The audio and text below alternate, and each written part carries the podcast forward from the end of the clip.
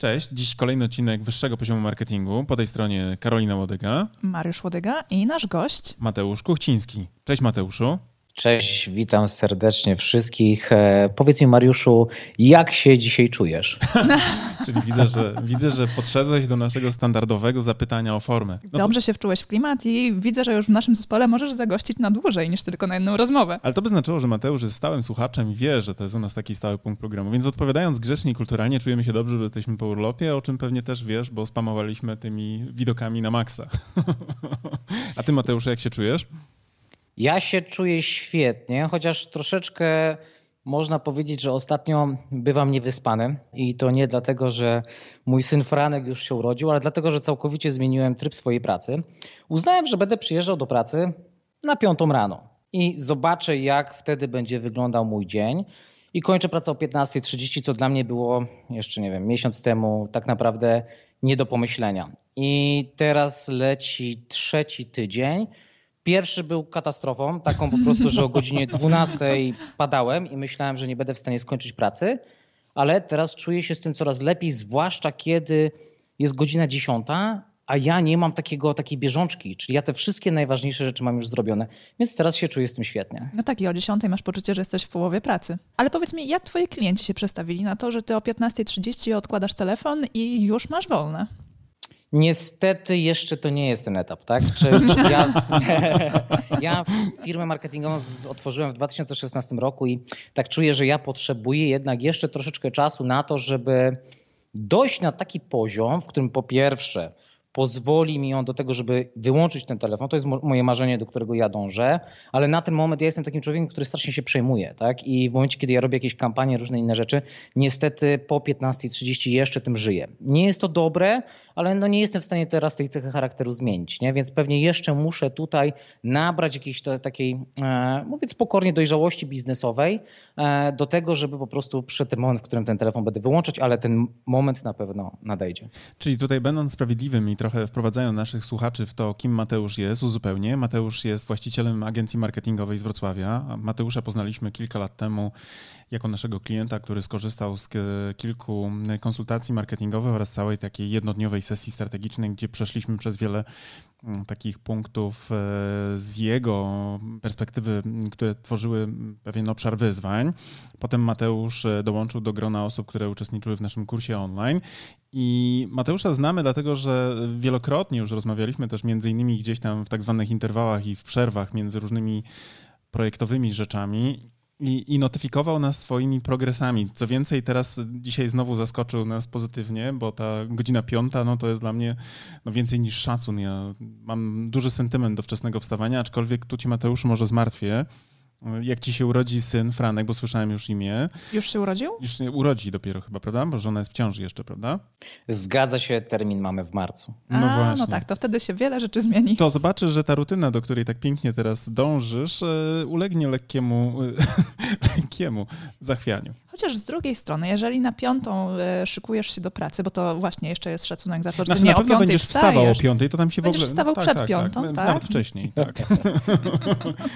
tak. I też będziesz żył y, na pełnych obrotach y, po godzinie 15.30, prawda? To się dopiero nie zacznie. Nie tylko pracą. Tak, tak. tak. Ale nie chcemy cię denerwować, nie chcemy cię uprzedzać, y, zaburzać tego sielankowego wizerunku młodego ojca. No, przyjdzie czas na wszystkie realne sprawy. A dzisiaj znowu, wracając do wątku, chcielibyśmy z tobą porozmawiać i zapytać Ciebie, y, powiedz mi, bo ta agencja marketingowa to jest 2016, jeśli chodzi o moment powołania, prawda, do życia, Twój nowy styl, styl funkcjonowania biznesowego, ale wcześniej też miałeś niesamowicie ciekawą historię, mm, którą mamy nadzieję, że również, z którą podzielisz się również naszymi, z naszymi słuchaczami. Y, ona mnie naprawdę niesamowicie fascynuje. Zawsze takie historie ludzi, którzy się wydźwignęli z takiej no, głębokiej studni rozpaczy, można by powiedzieć, bo my jesteśmy z Poznania, więc dla mnie te straty finansowe, o których pewnie powiesz, e, mogłyby nic innego oznaczać, jak po prostu piekło. E, Mariusz, jak zgubił 15 groszy na ulicy, to już wiesz, jest dramat przez, przez pół dnia. Tylko bieda nie oszczędza, mój, moja droga. Tak mi mówił mój mentor, e, prawda? Z Poznania też był, więc liczymy na to, że podzielisz się tą trochę historią dramatyczną, która uformowała trochę takiego pokornego, ale też i skutecznego dzisiaj przedsiębiorcę. Mateuszu, co to było takiego, co sprawiło, że właściwie redefiniowałeś się na rynku biznesowym na nowo? Można by pomyśleć, że moja decyzja w 2016 roku o tym, żeby dołożyć jeszcze sobie agencję marketingową, no to jest e, bardzo głupi pomysł, bo ja w tamtym momencie tak naprawdę szarpałem się z wieloma, z wieloma problemami.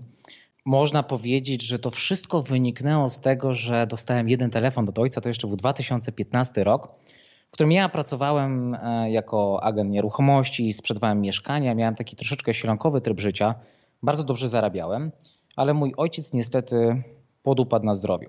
A my w tamtym czasie, spółka rodzinna, była, mm, zatrudnialiśmy prawie 200 osób, więc to było dość duże przedsięwzięcie. I ja tak ni stąd, ni zowąd powiedziałem do swojego menedżera: Słuchaj, ja w ciągu tygodnia się chcę zawinąć. Po prostu muszę wrócić do siebie na śląską ziemię. E, do rodziców, do ojca, bo mnie potrzebuje. Ja wtedy we Wrocławiu mieszkałem.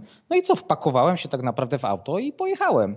No i w tym momencie tak naprawdę byłem taki, wiesz, pełny wigoru, energii do tego, żeby zmierzyć się z tym wszystkim. Oczywiście, e, mówiąc brzydko, dostałem kilka razy tak po gębie już na wstępie, jeszcze się fajnie zrymowało, bo przyjechałem tak naprawdę bez żadnego doświadczenia biznesowego, nie? więc ja tak naprawdę przyjechałem i nie dość, że ojciec podupadł na zdrowiu i po prostu też nie było go oczywiście codziennie w firmie, to jeszcze uznaliśmy, że po prostu musimy wyjść z naszej rodzimej branży, czyli z górnictwa i wejść w kilka różnych branż. I weszliśmy w przewóz osób, otworzyliśmy halę tenisową, uznaliśmy, że będziemy produkować płyny nisko zamarzające, plus do tego taką wisienką na torcie, już nawet taką emeryturą, takim największym biznesem miało być sprowadzanie glikolu, czyli właśnie płynu nisko zamarzającego, który jest między innymi w solarach, do Polski. I to wszystko było przepiękne. Ja naprawdę czułem się jak taki bohater, kurczę, nie? że każdego dnia wstawałem, mówię, ja pierdzielę taki kontrakt, to wszystko brzmiało przepięknie. Oczywiście do czasu, tak? Do czasu, aż mm, pojechaliśmy do Chin. Tam jeszcze też wszystko to wyglądało naprawdę fajnie. Przyjechaliśmy na miejsce, jeździliśmy e, ausemkami, zostaliśmy ugoszczeni naprawdę jak królowie i człowiek czuł, że złapał byka za rogi, nie? Że to, kurczę, ten biznes to wszystko jest takie proste, nie? E, co prawda, bo... Lamusy i frajerzy na umowach, prawda, o pracę. ja mówię, co Móc to tak chcieć. Wiesz, to takie trudne, nie? Tak. Gdzie okazuje się, że to po prostu wszystko tak płynie, nie? No oczywiście do momentu, kiedy Wróciliśmy z Chin, mój ojciec już wtedy trafił do szpitala na kilka miesięcy, więc go nie było, ja już zostałem wtedy sam. E, I zaczął się wtedy okres, ja to nazywam okresem takich obietnic, tak? czyli nasz chiński partner, który naprawdę był zweryfikowany na różne sposoby. Tak? To było z polecenia. Mieliśmy całą infrastrukturę, biuro w Warszawie pod to otworzyliśmy. Zatrudniliśmy na tamten czas no, najlepszych, jakich mogliśmy tylko zatrudnić handlowców, ale niestety no, przez okres wielu miesięcy nie potrafiliśmy tak naprawdę wyegzekwować tego, żeby nasz towar przypłynął, a zapłaciliśmy za niego majątek. Nie? I to był taki okres, w którym wymiana korespondencji, to już zatrudnianie różnego rodzaju firm prawniczych. E, do tego było zaangażowanych mnóstwo ludzi, którzy zostawili swoje dotychczasowe życie, więc to nie tylko my na tym cierpieliśmy. Nie?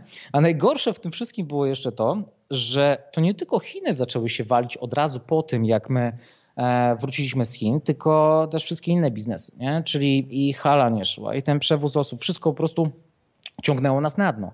Czyli to wszystko, co było zbudowane przez tyle lat, e, tak naprawdę zaczęło upadać. I to w tak szybkim momencie, że pod koniec roku groziło nam bankructwo nie? i strata sześciocyfrowa, e, która de facto no, do dzisiejszego dnia tych pieniędzy niestety nie odzyskaliśmy. Ale ja w tamtym momencie nie czułem się źle. Tak? Ja każdego dnia po prostu jak wstawałem, to w, miałem takie wyzwanie po prostu, żeby sobie z tym wszystkim poradzić. E, I do tego uznałem, że jeszcze sobie dorzucę agencję marketingową. Nie? Bo w, uznałem, że no, ja nie chcę, żeby ludzie mnie postrzegali jako faceta, który prowadzi rodzinną spółkę, tylko po prostu chciałem, żeby ludzie mnie postrzegali jako gościa, który ma swoją agencję marketingową. Nie? Ja próbowałem te, to wszystko ciągnąć za sobą, aż w pewnym momencie zrobił się z tego kilkunastotonowy wagon. Nie? I ta dojrzałość, która przyszła i ona tak jakby weryfikowała to, że to trzeba odciąć, to trzeba odciąć, to było tak naprawdę, jest taki mm, teleturniej gra o milion chyba, gdzie w tych zapadkach spadają pieniądze. To ja miałem po prostu takie wrażenie, że ja muszę po prostu te pieniądze tak układać i one wszędzie po prostu spadają. Nie? Aż ta strata się po prostu taka uzbierała, że e, mnie to strasznie bolało. Tak ja po prostu nie potrafiłem uwierzyć, że tracimy takie pieniądze, których ja nie zarobię naprawdę jeszcze przez wiele lat, nie? bo to była ogromna suma, której dokładnie nie mogę podać, bo trwa teraz e, rozprawa w sądzie. Oczywiście my walczymy o swoje i próbujemy gdzieś tam nadal walczyć, ale ja już się z tym pogodziłem. Tak? Ja to spisałem na stratę. Czyli powiedziałem, dobra, tego nie ma, ja chcę o tym zapomnieć. No i w 2018 roku już tak jakby wszystkie swoje siły skupiłem na tym, żeby rozwijać agencję marketingową i myślę, że wyszedłem na tym bardzo dobrze. Z tego Mateuszu, co opowiadasz, to mam takie wrażenie, że ty nie lubisz, jak w życiu jest zbyt łatwo. Zawsze musi się coś dziać, muszą być dodatkowe wyzwania, tutaj kilka biznesów naraz. No i otworzyłeś w pewnym momencie agencję marketingową. I teraz powiedz mi, czy ta agencja dostarcza ci tylu wrażeń i wyzwań, że już nie masz potrzeby otwierania innych biznesów? Mm, nie mam. Ja mam, ja bardzo już wierzę. Nie, już nie, dziękuję. Już dziękuję. Nie. Po pierwsze pokora, po drugie bezpieczeństwo, którego teraz potrzebuję, tym bardziej jak Franek idzie na świat. A po trzecie, ja mam takie podejście takiego japońskiego rzemieślnika. Zero Dream About Sushi. Genialny dokument, który jest taką moją inspiracją, że ja czuję się naprawdę, mimo że wiem, że mam dosyć dużą wiedzę i to też dzięki Wam, zwłaszcza tą wiedzę strategiczną z marketingu, bo naprawdę uwielbiam ten temat i zgłębiam go każdego dnia, to nadal czuję się, że wiem, że nic nie wiem. Tak? I, I nawet po naszym ja kursie? tego nie zgłębię na takim poziomie, że będę zadowolony, że spełnię swoją taką wewnętrzną ambicję, to nie mam zamiaru na ten moment iść dalej. Po prostu tak sobie postanowiłem. Czyli być może wszedłeś na poziom eksperta, bo tutaj ewidentnie przed oczyma mam w tej chwili e, krzywą wykresu Krygera Denninga, prawda? Daninga bodajże, jeśli dobrze wymawiam, gdzie wiemy, że ta pewność siebie maleje, albo inaczej, nigdy nie jest tak wysoka jak e, na początku. Na samym początku. Jak na samym początku, nie? Czy ta prawdziwa cecha ekspercka pojawia się wtedy, kiedy człowiek e, ma takie sokratejskie gotowość do powiedzenia sokratejskiego, że wiem, że dzisiaj jeszcze y, nic nie wiem, albo przynajmniej wszystkiego nie wiem. Dlatego ja do ciebie napisałem w 2018 roku, bo ja byłem wtedy na spadku. Ja wtedy już wiedziałem, że wiem, że nic nie wiem. Za dużo książek, za dużo publikacji, za dużo artykułów, za dużo szkoleń, za dużo wszystkiego. A marketing strategiczny tak mnie jarał, że ja obserwując was, no, uznałem, że tak naprawdę w, no, fajnie będzie napisać.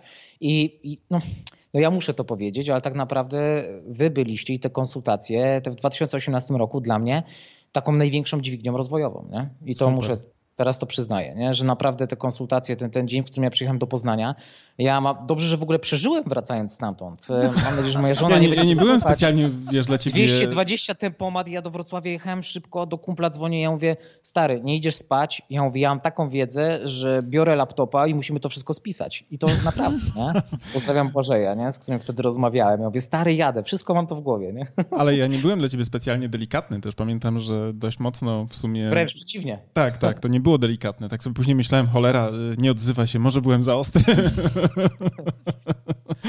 Nie, to było, to, było, to było bardzo dobre. Teraz to wiem. No to super. Mateusza, a powiedz mi, bo te, te, te bardzo mnie interesuje ta chińska e, przygoda e, i też na poziomie takim mentalnym, prawda, to dźwignięcie się z tego poziomu straty, no bo wiemy, że nasze mózgi są przede wszystkim nieodporne, jeśli chodzi o te wszystkie bodźce wynikające z tego właśnie chociażby już atawistycznego lęku przed utratą na przykład kontroli zdrowia, życia, ale też i na bardziej takim, wiesz, cywilizacyjnym poziomie e, właśnie środków materialnych. Jak sobie poradziłeś e, z tym zaakceptowaniem tego, że już pewnej części twojego dorobku nie ma i nagle, wiesz, jakby nie było, no bo najpierw wiesz, górnictwo, potem import, eksport, Chiny, podróże, limuzyny i nagle wiesz, boom, zupełnie nowy sektor, agencja marketingowa, która nomen omen, z tego co pamiętam jak rozmawialiśmy, idzie tobie dzisiaj wręcz niesamowicie dobrze. Jak sobie radziłeś z tym? Przede wszystkim ludzie.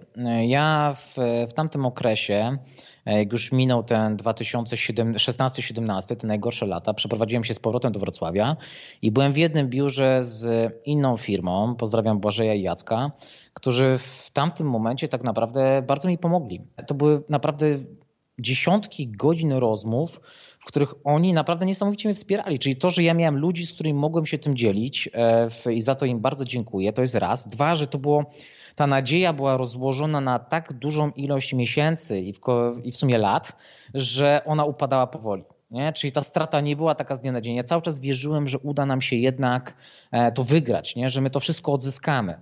E, w, I myślę, że to, że to było rozłożone właśnie w tak długim czasie, pomogło mi to zaakceptować, ale strasznie mnie to paliło. To była jak taka codzienna zgaga ściskająca w żołądku, Boże święty, ile pieniędzy, przecież to, jest, to, to mogła być moja przyszłość, przyszłość moich rodziców. Tak naprawdę to nie wiem, mogłem dobrze zainwestować te pieniądze i e, nie musielibyśmy w nie wiadomo ile robić. Tak nie mógłbym się skupić na, nie musiałbym siedzieć po 12 godzin w agencji dziennie. Ale ja myślę, że to tak bardzo ukształtowało mój kręgosłup i tak bardzo wzmocniło mój charakter, że się strasznie zmieniłem. Po pierwsze, my jako rodzina się wzmocniliśmy e, i po tych wszystkich problemach, po tych wszystkich bólach e, zbliżyliśmy się do siebie dużo bardziej i to jest dla mnie takie. Mm, bezcenne. Nie? Czyli tak by mam wrażenie, że to była zapłata de facto za tą bliskość rodzinną i za to, że ja stałem się troszeczkę człowiekiem poważniejszym, dużo bardziej odpowiedzialnym, e, człowiekiem dojrzalszym i przez to dostrzegła mnie moja obecna małżonka, która mam wrażenie, że z moim poprzednim charakterem, takim troszeczkę mniej dojrzałym, tak bym to nazwał, E, mogłaby mnie nie zauważyć, tak? Więc tak naprawdę nie ma tego złego, co by na dobre nie wyszło, może dość pospolite powiedzenie, ale w tym przypadku one się sprawdziło. To jest piękna puenta. Zresztą e, jest taki dobry dokument e, o filozofach niemieckich, między innymi w Fryderyk Nietzsche był e, ostatnio u mnie na agendzie i on doszedł do takiego epokowego odkrycia, które trochę poukładało nam te systemy filozoficzne, na których my dzisiaj między innymi oczywiście funkcjonujemy w jakimś tam stopniu, tak? bo to można by jeszcze dyskutować o zakres, ale tak czy siak on powiedział to słynne, co ci nie zabije, to cię wzmocni, prawda? Więc tak jak ciebie słucham, to sobie myślę, być może nie ma tego złego, prawda? Co, co na dobre by nie wyszło, ale z drugiej strony, szczerze mówiąc, nie zazdroszczę, bo jednak e, swoje przeżyłeś. Zgadza się. E, swoje przeżyłem i na ten moment czasami, jak mam taką retrospekcję, to ciężko mi jest uwierzyć w to, jaki ja byłem w stanie wtedy zachować tą motywację do codziennego działania. E, I teraz wiem to, wracając do tego, co Karolina powiedziała, że jak ja mam tego takiego króliczka, za którym mogę gonić, e, to ja naprawdę staję się niesamowicie wydajny. I ostatnio nawet jak E, no, pandemia dla mnie to był niesamowity okres, wzrost przychodów o 170% w agencji, więc no, my tutaj byliśmy tak naprawdę, straciliśmy tylko przez chwilę, było to tąpnięcie takie na początku, a później wręcz przeciwnie, jak ludzie nagle chcieli złapać online wszędzie, ten online marketing i tak naprawdę w momencie ja mogłem troszeczkę sobie tak od, taki oddech złapać, nie? Czyli jest spokojniej, to tak czasami idę i tak się zastanawiam, hmm, kurczę, no tak jakoś spokojniej jest. Może kopalnię otworzę jeszcze raz. Albo przejmę jakąś. Albo przejmę, nie? bo słyszałem, że teraz łatwo po taniości kupić. Mateuszu, wspominałeś o agencji, wspominałeś też o tym, że niesamowicie wystrzeliliście przychodowo w tym roku, ale też i wspominałeś, że w jakimś tam stopniu oczywiście musiałeś się zdecydować na podziękowanie niektórym klientom. Powiesz coś więcej? W pewnym momencie uznałem, że to jest moment na zmianę. Czyli ja bardzo bym chciał zmienić typ klienta. Oczywiście ja dziękuję wszystkim moim klientom, którzy mi zaufali, aczkolwiek ja mm, bardzo chciałem pójść w kierunku marketingu strategicznego. I teraz, e, jeżeli ja mam z klientami konsultować, jeżeli ja mam budować strategię, je projektować i później egzekwować, to niestety z firmą, która jest małą lokalną firmą, ma ograniczony budżet, nie jestem w stanie tak naprawdę tego zakresu realizować, bo on jest po prostu znacznie droższy. Tak? Czyli mm, z jednej strony oczywiście to jest chęć realizowana realizowania innego typu usługi, czyli tego marketingu strategicznego, doradztwa strategicznego i później jego realizacji w różnego rodzaju mediach, e, w kanałach dystrybucji treści. E, to jest raz, a dwa, no jakaś taka wewnętrzna ambicja właśnie chyba się troszeczkę uspokoiło.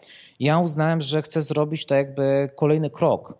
A dwa, troszeczkę się zawiesiłem bardzo mocno na branży językowej i edukacyjnej. W pewnym momencie mieliśmy 27 szkół językowych, e, co stanowiło jakieś tam 60% naszej agencji i też chciałem troszeczkę wyjść z tego, nie? czyli tak jakby poczuć tak jakby takie nowe flow e, i spróbować też w innych branżach. Nie? Czyli miałem wrażenie, że po prostu idziemy mocno w segmentację, co sprawiło oczywiście, że im więcej szkół, tym więcej szkół, bo jak publikowaliśmy dowody skuteczności, to one też przychodziły.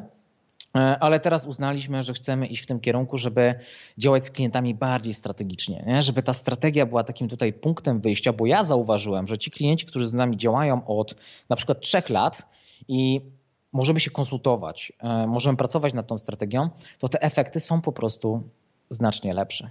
I to jest słowo klucz. I to jest słowo klucz. Strategia czyni twój biznes bardziej dochodowym. Nie? Teraz też pamiętam, jak powiedziałeś przed chwilą, że e, klienci, którzy, których zaczynasz wybierać, to są tacy, którzy mają większe środki, bo start e, takiego układania biznesu od fundamentów strategicznych może być na starcie e, wyższy, w sensie koszt prawda, tego startu, ale z drugiej strony też właśnie, kiedy się dobrze poukłada fundamenty, czyli ten projekt naszego domu, który później budujemy, jest dobrze przygotowany, to z kolei w długim terminie ten dom jest wygodniejszy, przy, przytulniejszy, na przykład bardziej też energooszczędny, bo żeśmy sobie za, zaprojektowali na przykład Łatwiej jakąś... się go buduje i tak. później lepiej się realizuje wszystkie cele, które zakładaliśmy. Ale żeby ten dom postawić według tych y, założeń, musi być inwestor, który rozumie, prawda, że y, różni się jednak lepianka gdzieś tam na jolo postawiona jakiś szałas od y, właśnie zaawansowanego, nowoczesnego domu, który, który no, jest zaprojektowany na lata dla komfortu i wygody na przykład nawet dwóch generacji albo trzech, prawda, i tak dalej, i tak dalej. I to też mi się wydaje, że to jest duża rola Y, takich właśnie osób jak ty w uświadamianiu też, myślę, mm, swoich klientów, dlaczego w ogóle warto projektować pewne rzeczy z dużym wyprzedzeniem, ale jednak też zakładając, że mamy na to no, przynajmniej na początku y, jakieś środki, poza oczywiście motywacją, która też jest oczywiście ważna. E, Mariuszu, wrócę na chwilę do konsultacji z 2018 roku.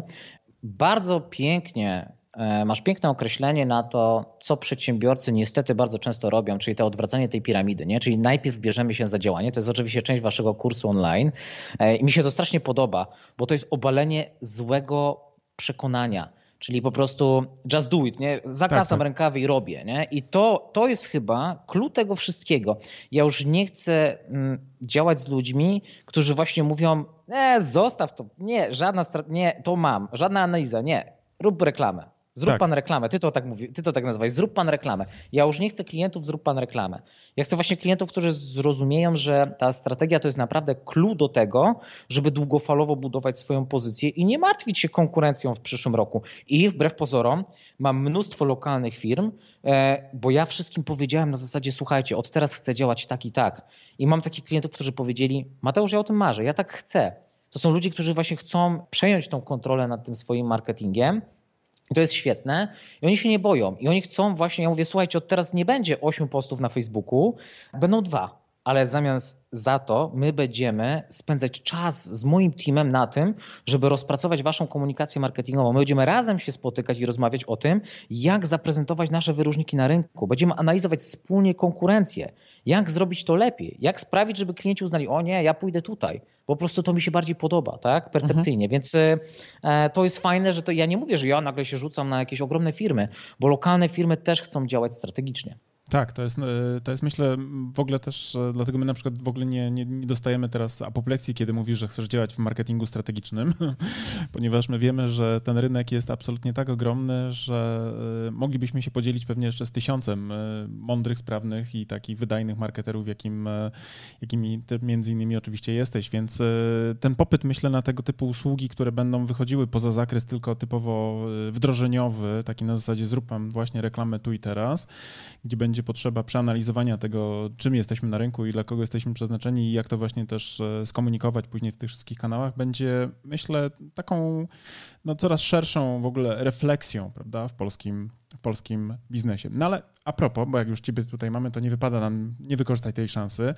Mm, przeszedłeś nasz, nasz kurs i e, wiemy, że jesteś zadowolony, bo nagrałeś nam wspaniały wideo, taki testimonial, którym będziemy się dumnie posługiwać, ale chcieliśmy ciebie zapytać jeszcze raz tutaj przy okazji i dać okazję naszym też słuchaczom dowiedzieć się, jak wygląda z takiej pierwszej ręki opinia o kursie. Powiedz mi, co było dla ciebie takim najbardziej ciekawym punktem widzenia, czy też naj, najciekawszymi fragmentami naszej, e, naszej e, platformy szkoleniowej? Mm, przed, przede wszystkim, e, Mariusz, w momencie, kiedy ktoś się zabiera za marketing strategiczny, to ma ogromny zapał. Kupujesz 30 najbardziej popularnych książek o marketingu strategicznym. Czytasz od strategii Błękitnego Oceanu po 22 niezmienne prawa marketingu, po złotą strategię marki, po odwracanie marki i te wszystkie różne publikacje, które e, są strategiczne i pomagają zrozumieć ten marketing strategiczny i nagle dochodzi do ciebie, Boże, to jest 30 różnych punktów widzenia. I teraz bez doświadczenia w boju, które wy posiadacie, taka wiedza niestety jest troszeczkę bezużyteczna. Tak? I ona wymaga po prostu takiego działania po omacku nadal, mimo że działanie strategiczne nie jest po omacku tak naprawdę, to i tak musimy to robić z tego powodu, że ta wiedza nie jest usystematyzowana albo nie wynika z doświadczenia. I przede wszystkim, co mi się najbardziej podoba, i też ja się z Tobą z tego powodu e, konsultowałem, czyli wiem, że nic nie wiem, bo już wiem tak dużo, e, i Ty jesteś dla mnie takim troszeczkę guru na zasadzie, że e, ja przyszedłem do ciebie, pamiętasz tą jedną rozmowę, z wieloma takimi pytaniami, to kurczę, o co w końcu w tym chodzi, nie? Albo jak ugryźć ten temat. I ty mhm. byłeś w stanie mi to ze swojego doświadczenia wyjaśnić. I chyba dla mnie największą wartością, jeżeli chodzi o ten kurs online, jest to, że wy nie wyciągnęliście tej wiedzy po prostu z książek, tylko ona była stosowana w praktyce i wielokrotnie była sprawdzana, tak? Więc o to chyba głównie chodzi, że to jest po prostu taka pigułka tych wszystkich książek, tych wszystkich publikacji, które ja przeczytałem, tak naprawdę mm, wytrymowana, taka oskrobana, tak? To jest po prostu to, co ma być, nie? A nie, że po prostu ja, ja muszę spędzić teraz rok na tym, żeby zbierać tą wiedzę z różnych miejsc, bo niestety, no ale nie, nie, każdy przedsiębiorca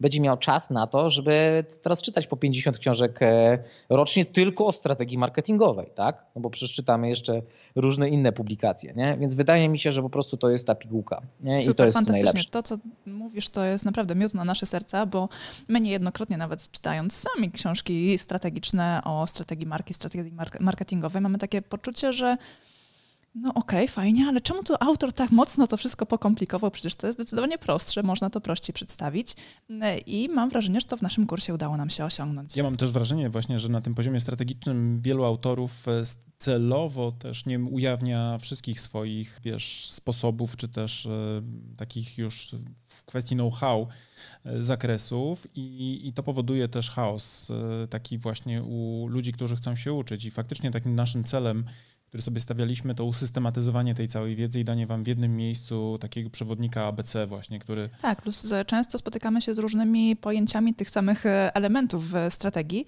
mm, i to wprowadza bardzo duże zamieszanie potem w interpretowaniu całego w ogóle zakresu strategii marketingowej, strategii marki.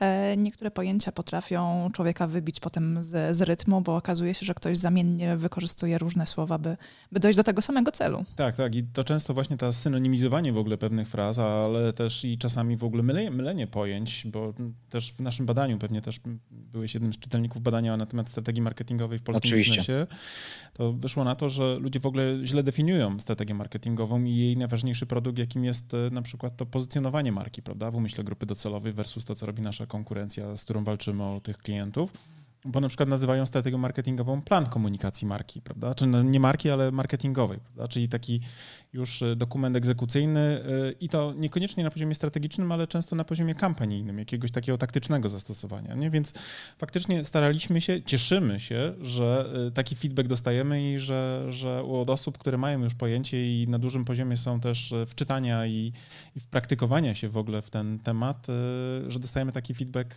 tak pozytywny. To nas bardzo bardzo cieszę. A powiedz, czy miałeś okazję korzystać z materiałów dodatkowych? Jak oceniasz ich wartość? Bo tutaj akurat ogromna rola mojej wspaniałej Karoliny, która tak dużo szczegółowej pracy włożyła i zastanawiamy się, czy, czy, czy, czy, czy wy to w ogóle zauważacie?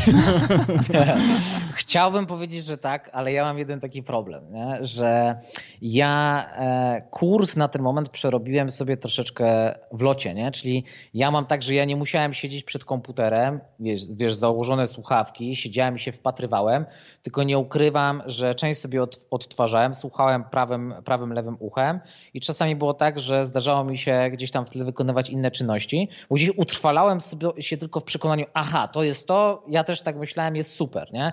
Więc przykro mi Karolino, jeszcze dodatkowych nie dotarłem, ale żeby o, nie chłopie, było, na pewno, na pewno do nich dotrę. To chłopie, będziesz pan zadowolony, bo tutaj no, masz... musisz tam zajrzeć, bo tam jest kilka fajnych materiałów i ja naprawdę byłam, ja byłam zadowolona je tworząc, więc mam wrażenie, że tobie też się spodobają. Przyznamy ci się, to tak między nami tylko mówiąc, że my tą całą jakby sferę poukładania w ten taki szczegółowy sposób zrobiliśmy pierwszy raz, bo zawsze mieliśmy też takie segmenty po pofragmentaryzowane, czyli mamy na przykład jakąś prezentację na przykład szkoleniową, która w jakimś tam oczywiście zakresie mówi o strategicznym podejściu do, do, do, do działania takiego marketingowego, no ale nie byliśmy w stanie na przykład w ciągu jednego dnia szkoleniowego obrobić 500 slajdów, tak, bo to jest, wiesz, multum po prostu treści i są jeszcze dygresje i odpowiedzi na pytania uczestników na szkoleniu, więc siłą rzeczy zawsze trzeba było z czegoś zrezygnować, więc nigdy nie było to takie kompendium, nawet jak ktoś był na szkoleniu stacjonarnym. A tutaj na całym tym e, projekcie e, jest e, opcja taka, że no skoro mamy na przykład pomysł, żeby coś jeszcze dookreślić, dopowiedzieć, to to robimy i nie ma takiego, kur, kurczę, wiesz, już minęło na przykład 8 godzin na sali,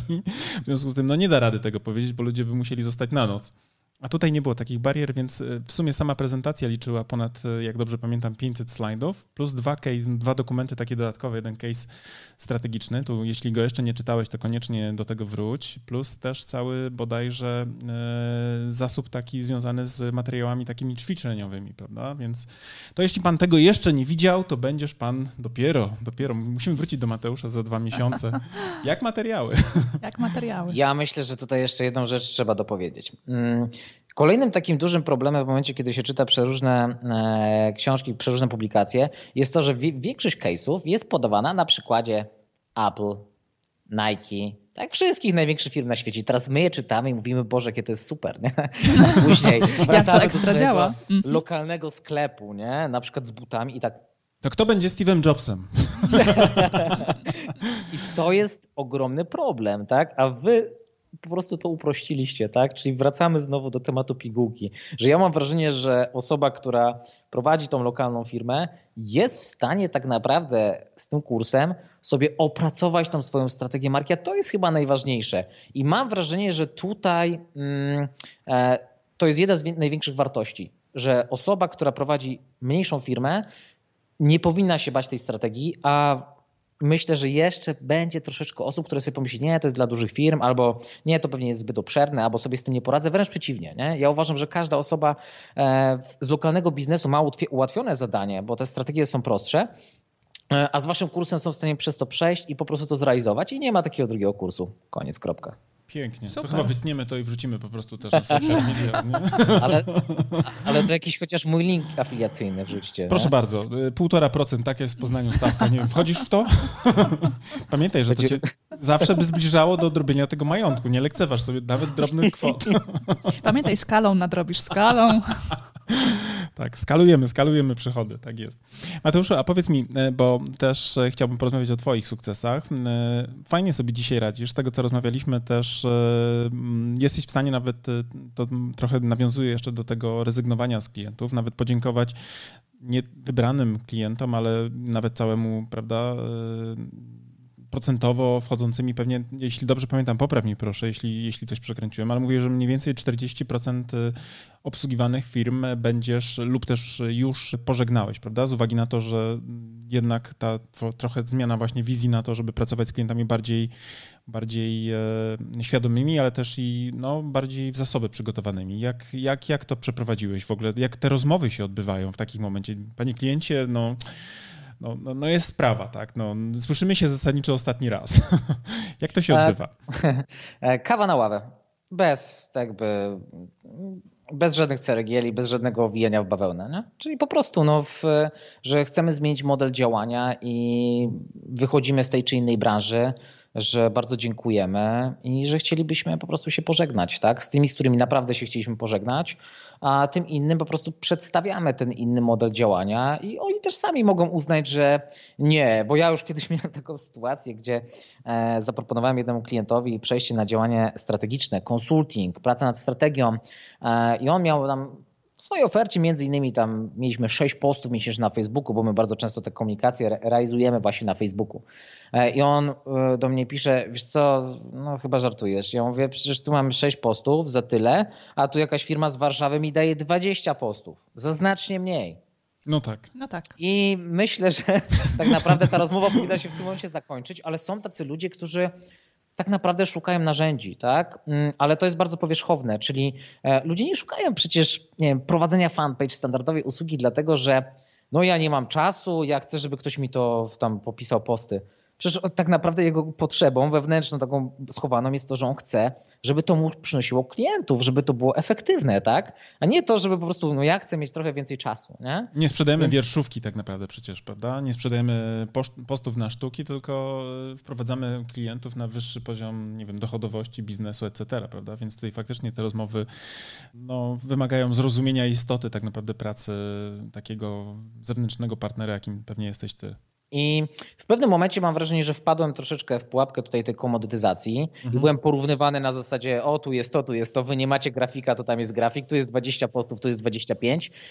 Mnie to już nie, nie interesuje. Ja uważam, że ma, mamy wystarczającą wiedzę do tego, żeby prowadzić tych klientów strategicznie e, i przynosi to naprawdę bardzo fajne rezultaty. Mm, też w firmach lokalnych to jest naprawdę świetne, że jesteśmy w stanie zaczepić się jednego elementu i tutaj uderzę mocno do twojego artykułu, który ty pisałeś o Byronie Sharpie. Mhm. Pisałeś tam o tym distinctiveness, o mhm. tym e, byciu charakterystycznym, o mhm. tym, że w firmie lokalnej lepiej tak naprawdę mieć coś charakterystycznego, mieć mocne USP, świetną obsługę klienta e, i być autentycznym i to się sprawdza, tak? Mhm. Czyli tutaj te założenie strategiczne, e, tutaj trochę obowiązuje taka zasada Pareto, że tu ten zakres strategiczny jest o wiele mniejszy. Raczej robimy warsztat i podążamy za takimi prostymi rzeczami jak obietnica marki, jak nas mocny, mocny reason to believe, czy nasza esencja marki, to z czym chcemy po prostu być kojarzeni. I to się fajnie sprawdza, czyli jak bierzemy sobie na przykład pod lupę nowoczesność, czyli chcemy sprzedać nowoczesność dla rodziców takich ambitnych, takich, dla których liczy się status, prestiż i pokazujemy im, zobacz, gdzie będzie uczyć się twoje dziecko. I tak naprawdę stawiamy na to, żeby to słowo, te prawo koncentracji, nowoczesność, nowoczesność, nowoczesność pojawiało się w wielu miejscach, to długofalowo naprawdę przynosi to świetne rezultaty tak? w firmie lokalnej. Więc naprawdę te strategiczne działania to nie są często tak, że właśnie mamy dokument na 100 stron i tam jest wszystko poopisywane, rynek porozbijany na części pierwsze. Bardzo często to jest po prostu zrozumienie tego, że OK, jestem w jakiejś części Wrocławia, nie ma tu żadnej szkoły nowoczesnej, mieszka tu dużo bogatych ludzi, mam świetny budynek, kupię jakieś lepsze meble, e, nie wiem, będę odwozić dzieci Mercedesem, kupię jakiś sprzęt multimedialny i zaprezentuję się jako po prostu mega nowoczesna szkoła, uderzając między innymi w e, tę piramidę potrzeb Maslowa, w tą potrzebę tego takiego statusu, nie? Mhm. Czyli żeby ludzie się czuli lepiej. Mój syn, moja córka chodzi do takiej szkoły, nie? I to naprawdę działa. No to widzisz, przekładasz na takie, nazwijmy to, esencjonalne fragmenty wiedzy strategicznej, bo faktycznie zdefiniowanie USP na rynku, albo też to pozycjonowanie, czyli na przykład to określenie siebie jako marki nowoczesnej w tym otoczeniu, na którym e, ta marka jakby występuje i konkuruje o uwagę swoich klientów, to jest tak naprawdę już ta głęboka, z kolei też e, wcześniej opracowana analiza, prawda? No bo wiemy, że krótko mówiąc jest taka jakaś potrzeba, prawda? Chociażby jest na... i ta analiza odbiorców, jest i analiza konkurencji na, na, na lokalnym rynku, tak. jest e, wyszukanie wszystkich właśnie potrzeb odbiorców i tego, na czym możemy się skupić, by właśnie się wyróżnić na rynku. Tak, ty, tych, wyszukanie tych triggerów, czyli tych takich, tych spustów takich, które powodują powodują, że ktoś na przykład e, podejmuje decyzję zakupową. Nie? To, to są takie rzeczy, które jeżeli się dobrze przeprowadzi ten cały proces strategiczny, to to się uda właśnie wyłonić chociażby te wyróżniki albo te triggery, które sprawią, że na przykład komuś tam ta zapadka w umyśle przełoży się na decyzję zakupową. I bardzo mnie cieszy to, że o tym rozmawiamy, bo my z naszego doświadczenia też wiemy, że często firmy lokalne inwestując w strategię marketingową odnoszą fantastyczne efekty i sukcesy rynkowe. Mamy w swoim portfolio też e, kilka, kilkanaście, nawet kilkadziesiąt firm, firm tego typu i i faktycznie przynosi to super, super rezultaty. No i też to jest y, satysfakcjonujące, że u innych strategów też to działa i w zasadzie nie powinno mnie to dziwić, bo faktycznie strategia jest y, no, środkiem do, do celu, do sukcesu. Tak, jest tą mapą drogową, prawda, która też wyznacza kierunki, w którą stronę mamy A mimo wszystko, kiedy to słyszę z Twoich ust, to nadal mam takie poczucie satysfakcji i radości, że, że w innych zakątkach Polski też to funkcjonuje i też się dobrze sprawdza. Tak, cieszymy się niezmiernie. Ja tutaj znowu muszę posłodzić. No, jesteście, dla mnie byliście tak naprawdę naprawdę tą zmianą, tak? czyli zrozumieniem tego, jak bardzo można tym podejściem strategicznym, tą strategią marketingową tak naprawdę też e, osiągać lepsze sukcesy. E, I pamiętasz, jak ja do ciebie ostatnio napisałem, tak, że testuję sobie bardzo często e, rozwiązania strategiczne, też chociażby na samym Facebooku. Nie?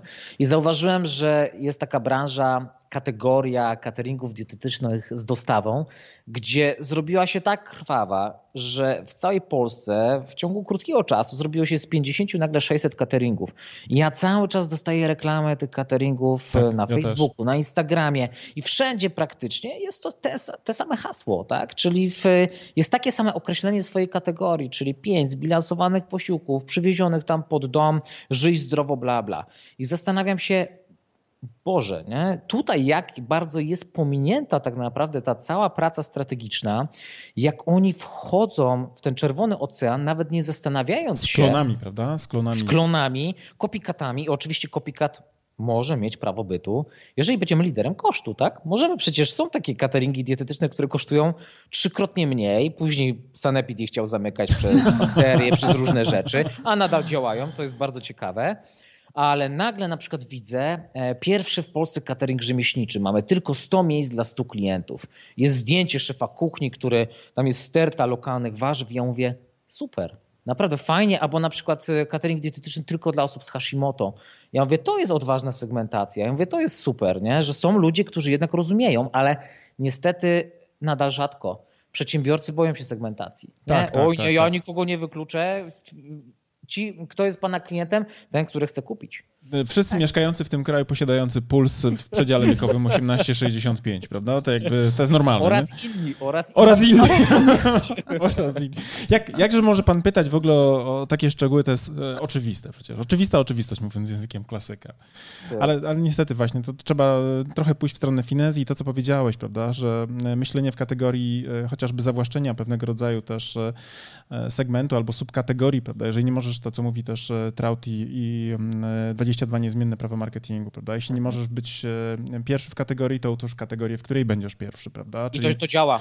Absolutnie to tak, działa. tak, tak. Ja też e, wielokrotnie od lat właściwie już ewangelizuję te 22 niezmienne prawa marketingu. Zresztą to jest jeden z najbardziej poczytnych artykułów na moim blogu, bo ta książka w ogóle jest, nie wiem, czy ty masz w swoim księgozbiorze, ale ona jest w ogóle trudna do nabycia w tej chwili. E, chyba się wyczerpał nakład i ja mam bardzo dużo organicznego ruchu na tą frazę 22 niezmienne. W każdym razie bez najmniejszych oporów od lat mówię o tej pozycji, dlatego że te właśnie takie klasyczne rzeczy, chociażby jak nie możesz być pierwszy w kategorii, to utwórz kategorię, w której będziesz pierwszy, to jest e, sytuacja, która może być podstawą do bardzo ważnych strategicznych warsztatów, prawda, dla wielu biznesów, no bo to, co powiedziałeś, jeżeli działa na przykład, nie wiem, 600 y, tego typu, czy tego samego typu rozwiązań na rynku, to absolutnym nonsensem jest dostarczenie 601, prawda, rozwiązania, bo w tej kategorii faktycznie będziesz musiał y, jechać na skali y, niewyobrażalnej, aby wolumenem po prostu, krótko mówiąc, wygrać, prawda, a i tak może się nie udać, bo ta komodytyzacja, o której też tu wspomnieliśmy, może być i tak czy siak nie do uniknięcia, nie? więc myślenie strategiczne, ok, dobra, jeżeli nie będę nie będę w stanie się spozycjonować jako coś unikalnego w, tej, w, tym, w tym segmencie, to być może trzeba będzie zrobić jakąś usługę albo produkt dla leworęcznych, prawda? Albo dla praworęcznych, albo lewostopnych, nie? Ale tak czy e. siak odpowiednio to też przedefiniować, przekalkulować, rozpisać sobie całą tą e, ścieżkę, że tak powiem, merytoryczną i poddać e, taki proces walidacji. Zamykając temat ultrasegmentacji, słyszałeś kiedyś o sieci hotelów La Quinta? Jeszcze nie, ale mam nadzieję, że się dowiem. E, jedyna prawdopodobnie sieć hoteli, która usunęła ze swojego repertuaru usług gastronomię, bez restauracji, bez baru, całkowicie. E, przepięknie opisany case właśnie ultrasegmentacji sieci hotelów La Quinta, która w momencie, kiedy w Stanach Zjednoczonych był totalny kryzys, ja już teraz nie pamiętam, czy to były lata 70. czy 80. E, w, w latach 70. była, była sielanka, więc raczej w latach 80. był chyba pierwsza ta defraudacja tam, czy jakieś różne takie e, szwindle tak, z tymi kasami pożyczkowymi. W momencie, kiedy był kryzys, to wszystkie hotele się zamykały, a La Quinta rosła. Z jednego prostego powodu. Właśnie dostosowali swoją ofertę w 100% do przedstawicieli handlowych oraz przedsiębiorców, którzy podróżują i oni postawili swoje hotele przy centrach gastronomicznych, gdzie były tam jakieś McDonaldy, różne inne rzeczy, usunęli całkowicie gastronomię, usunęli wszystkie rzeczy, które generowały koszta, po to, żeby zrobić pokój, z mega wygodnym materacem, wygłuszony i z fajną salą konferencyjną do pracy.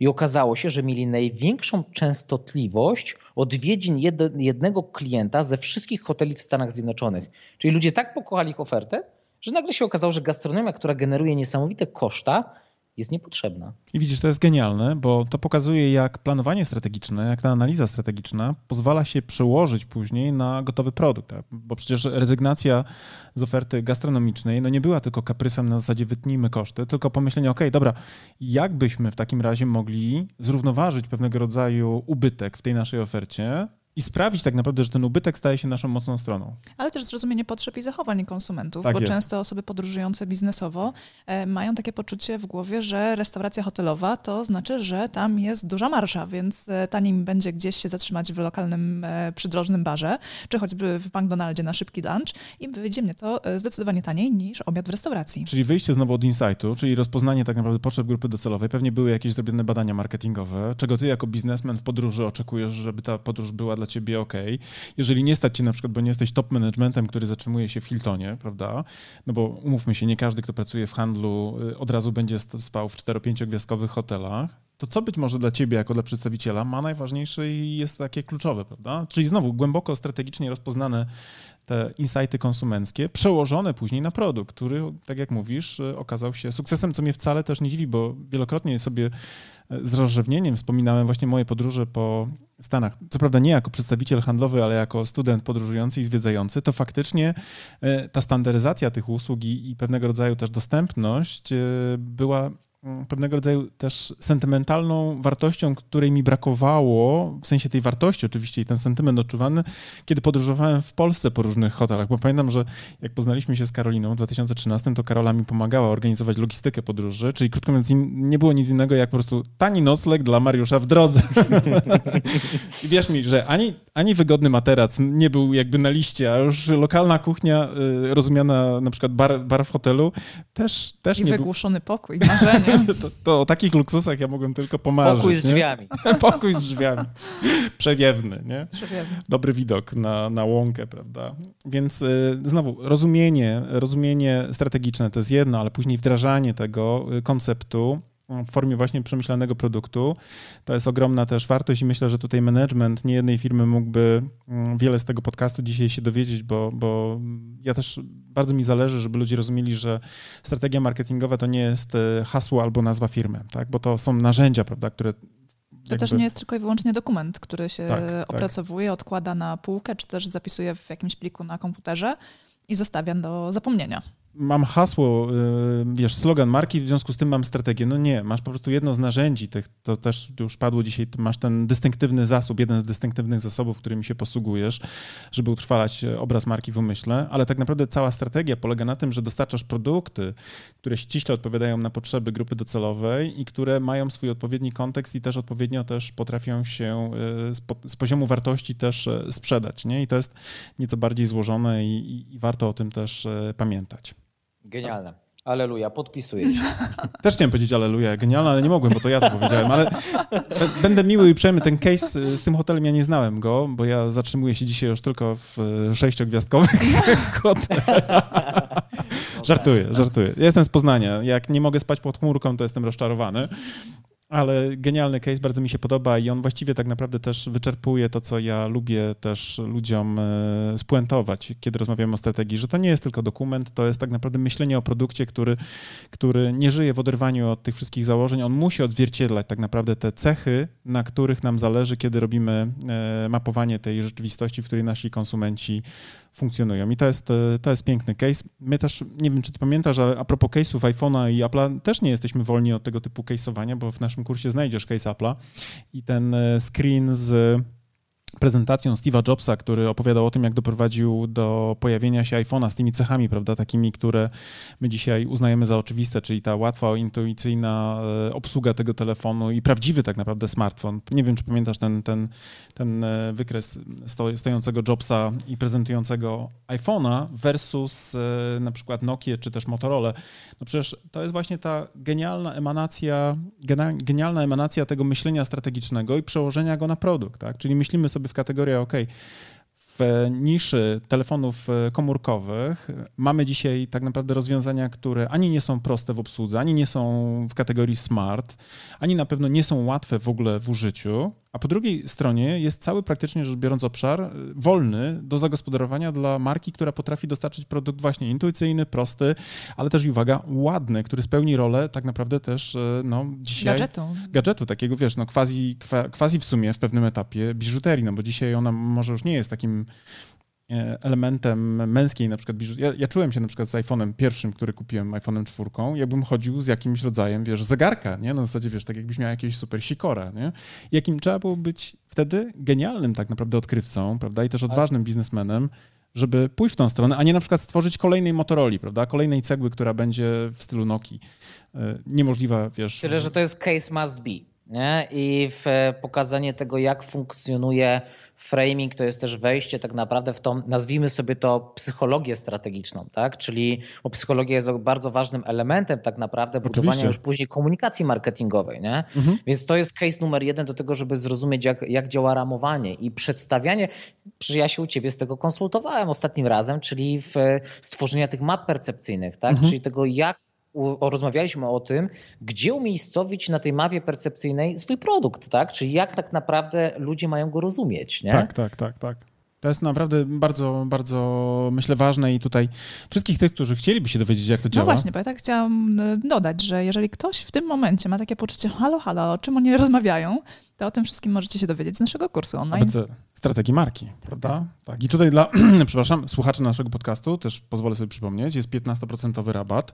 Wystarczy wpisać w okienko, gdzie się kupuje, przy już sklepie, w witrynie zakupowej e, frazę podcast. Tak. Pisane przez C. Tak, dokładnie tak. Tak, bo ostatnio za, za, za to, co powiem, nikt mi nie zapłacił, ale e, nie, tak naprawdę... Ale jest to warte na pewno każdej złotówki, słuchamy. To jest tak, informacja, informacja dla słuchaczy i każdej osoby, która kiedykolwiek myślała, bo nawet nie myślała jeszcze o strategii marki, nie ma drugiego takiego kursu w Polsce, koniec, kropka. Tak? Doświadczenie Karolina i Mariusz to są po prostu wyjadacze wyższy poziom marketingu i nie ma drugich takich osób w Polsce. Tak? Więc jeżeli ktokolwiek chce działać strategicznie, to ja nie znam drugiej takiej publikacji, a Myślę, że w pewnym momencie już maniakalnie podchodziłem do zbierania tej wiedzy strategicznej i jeżeli ktoś chce rzeczywiście tą wiedzę w pigułce sprawdzoną, wynikającą z doświadczenia, to to jest właśnie to miejsce, czyli ABC Strategii Marki od Mariusza i Karoliny. Jezu Super, Chryste. dziękujemy. Ja to sobie, no, ja to sobie... My to musimy transkrypcję tego zrobić o, i tak. wszędzie to powrzucać. Zainwestujemy teraz y, w usługę transkrybentki, tak. prawda, albo transkrybenta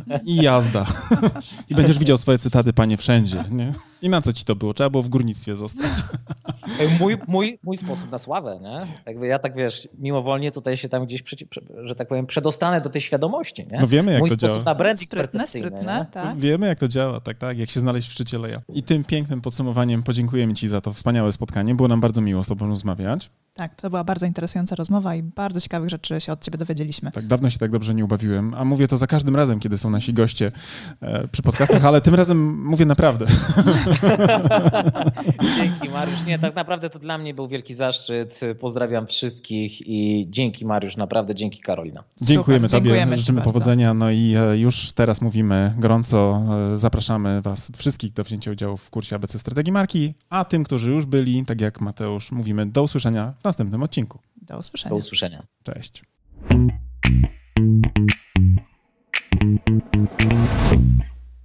No dobra, to na tyle w dzisiejszym odcinku wyższego poziomu marketingu. A teraz pozwólcie, drodzy słuchacze, że powiemy Wam, dlaczego warto pójść na następny poziom, czyli skorzystać z naszego kursu ABC Strategii Marki.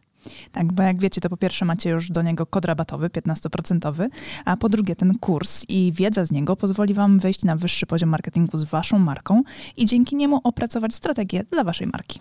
I to jest oczywista oczywistość, prawda? Tego byśmy nawet nie musieli mówić, gdyż już na pewno wiecie. Natomiast to, co nie jest pewnie dla Was jasne, to to, z jakich elementów składa się ten kurs, prawda? Pierwszy taki, najważniejszy, od którego zawsze wychodzimy, który, uwaga, jest najmniej pewnie spektakularny, no bo wiąże się przede wszystkim z tą robotą w okopach, czyli analizą, prawda? To jest ten pierwszy obszar, który jest naprawdę niezwykle istotny. Dzięki naszemu kursowi APC Strategii Marki będziecie wiedzieli, jak zrobić badanie marketingowe, które pozwoli Wam określić to, co nazywamy fachowo consumer insightem, czyli insightem konsumenckim, albo inaczej mówiąc po polsku, po prostu tak jak należy, patriotycznie, dokładnie, co jest potrzebą konsumenta. Tak, ale też e, ten kurs pozwoli Wam przejść do drugiego etapu, czyli etapu strategicznego i opracować strategię Waszej marki, czyli znaleźć też unikalne pozycjonowanie dla Waszej marki. No oczywiście, jak to zrobić, dowiecie się z kursu, natomiast zaręczam Wam, że ta wiedza, która jest w tym kursie przedstawiona, zdecydowanej większości z Was pozwoli naprawdę zdystansować się od Waszych konkurentów i po prostu zwyczajnie zarabiać więcej. A skoro już będziecie wiedzieli, jakie macie unikalne pozycjonowanie przyjąć dla Waszej marki, to też z, z naszym kursem dowiecie się, w jaki sposób docierać do waszych odbiorców, by w ich umysłach zbudować właśnie to odpowiednie pozycjonowanie. Będziecie wiedzieli, jak tworzyć wizerunek waszej marki, będziecie wiedzieli również, jak mierzyć postępy, a to wszystko, o czym teraz mówię, tak naprawdę zawiera się w tej części, którą my jako strategzy nazywamy strategią komunikacji marki. Także ten nasz kurs, jako jedyny chyba na rynku w Polsce, bo ja nie spotkałem jeszcze tak kompleksowego podejścia, pozwoli wam nie tylko mówić o tym, co komunikować, ale również dlaczego komunikować i do kogo, co pewnie jest najważniejsze. Oraz gdzie komunikować. Tak, i jak mierzyć oczywiście wszystkie aspekty i nie tylko te performance'owe typu kliknięcie kliknięcia w link, ale również to, co mają w umysłach i w głowach i w sercach wasi klienci. Generalnie ten kurs posiada bardzo, bardzo dużo informacji na temat tego właśnie w jaki sposób, gdzie i co komunikować. I jeżeli chcecie się dowiedzieć dokładnie, co jest zawarte w naszym kursie, to zapraszamy na naszą stronę internetową. Natomiast z mojej strony mogę wam powiedzieć, że z czystym sumieniem go polecam jako współautor, ale też jako człowiek, który bardzo często wraca merytorycznie do tego kursu, bowiem nawet dla mnie, jako do człowieka, który pracuje na co dzień, ta wiedza, którą tam zebraliśmy, jest fundamentem, do którego ja też często wracam, kiedy potrzebuję pewne rzeczy sobie przypomnieć. A jak to robię? Przede wszystkim za pomocą własnej prezentacji, bo w tym kursie nie tylko jest treść wideo, ale również macie mnóstwo bardzo wartościowych załączników, chociażby na przykład 512-stronnicowa prezentacja. Ale uwaga, niech to was nie przeraża, ponieważ te slajdy są zrobione w sposób bardzo przyjemny i w taki sposób, że nie są przesycone treścią, a z drugiej strony esencjonalnie pokazują to, co jest w tej treści najważniejsze. Tak, a z tego praktycznego punktu widzenia w kursie macie również załączniki takie dodatkowe do pracy własnej, e, z którymi możecie opracować własną strategię. Jest szablon opracowania strategii marketingowej, ale też jest przykładowa strategia naszej marki. Tak jest i ta strategia pozwoli Wam nie tylko zobaczyć, jaki jest framework, na którym my pracujemy jako strategzy, ale również zobaczycie, jak to wygląda z poziomu projektowanych założeń i będziecie mogli później na przykład przejść na nasze kanały komunikacyjne, na przykład na stronę www i też zobaczyć w ogóle, jak to działa, to co my żeśmy zaplanowali, bo absolutnie, wierzcie mi, my funkcjonujemy dokładnie według tych założeń. I nie tylko na poziomie przekazu werbalnego, ale również tego wizualnego języka, który jest podstawą właśnie opracowaną na bazie tych założeń. Tak. Zatem, jeżeli chcecie dołączyć do naszego kursu, zapraszamy na naszą stronę internetową. Jeżeli jeszcze nie jesteście pewni, również zapraszamy na naszą stronę internetową, by dowiedzieć się więcej. Bo być może my was nie przekonujemy jako autorzy, bo pewnie jesteśmy trochę nieobiektywni, ale jeżeli potrzebujecie jakiegoś dodatkowego głosu, to posłuchajcie i też poczytajcie opinie ludzi, którzy wzięli w tym kursie udział, bo myślę, że oni są faktycznie najważniejsi jako prawdziwi z krwi i kości uczestnicy. A z mojej strony też powiem, że ten kurs jako narzędzie takie merytoryczne, merytoryczne naprawdę pozwoli Wam wprowadzić Wasze marki na wyższe poziomy marketingu. To Wam gwarantuję już teraz. Trzymamy za Was kciuki. Do zobaczenia. Cześć. Do zobaczenia w kursie. Cześć. Thank you.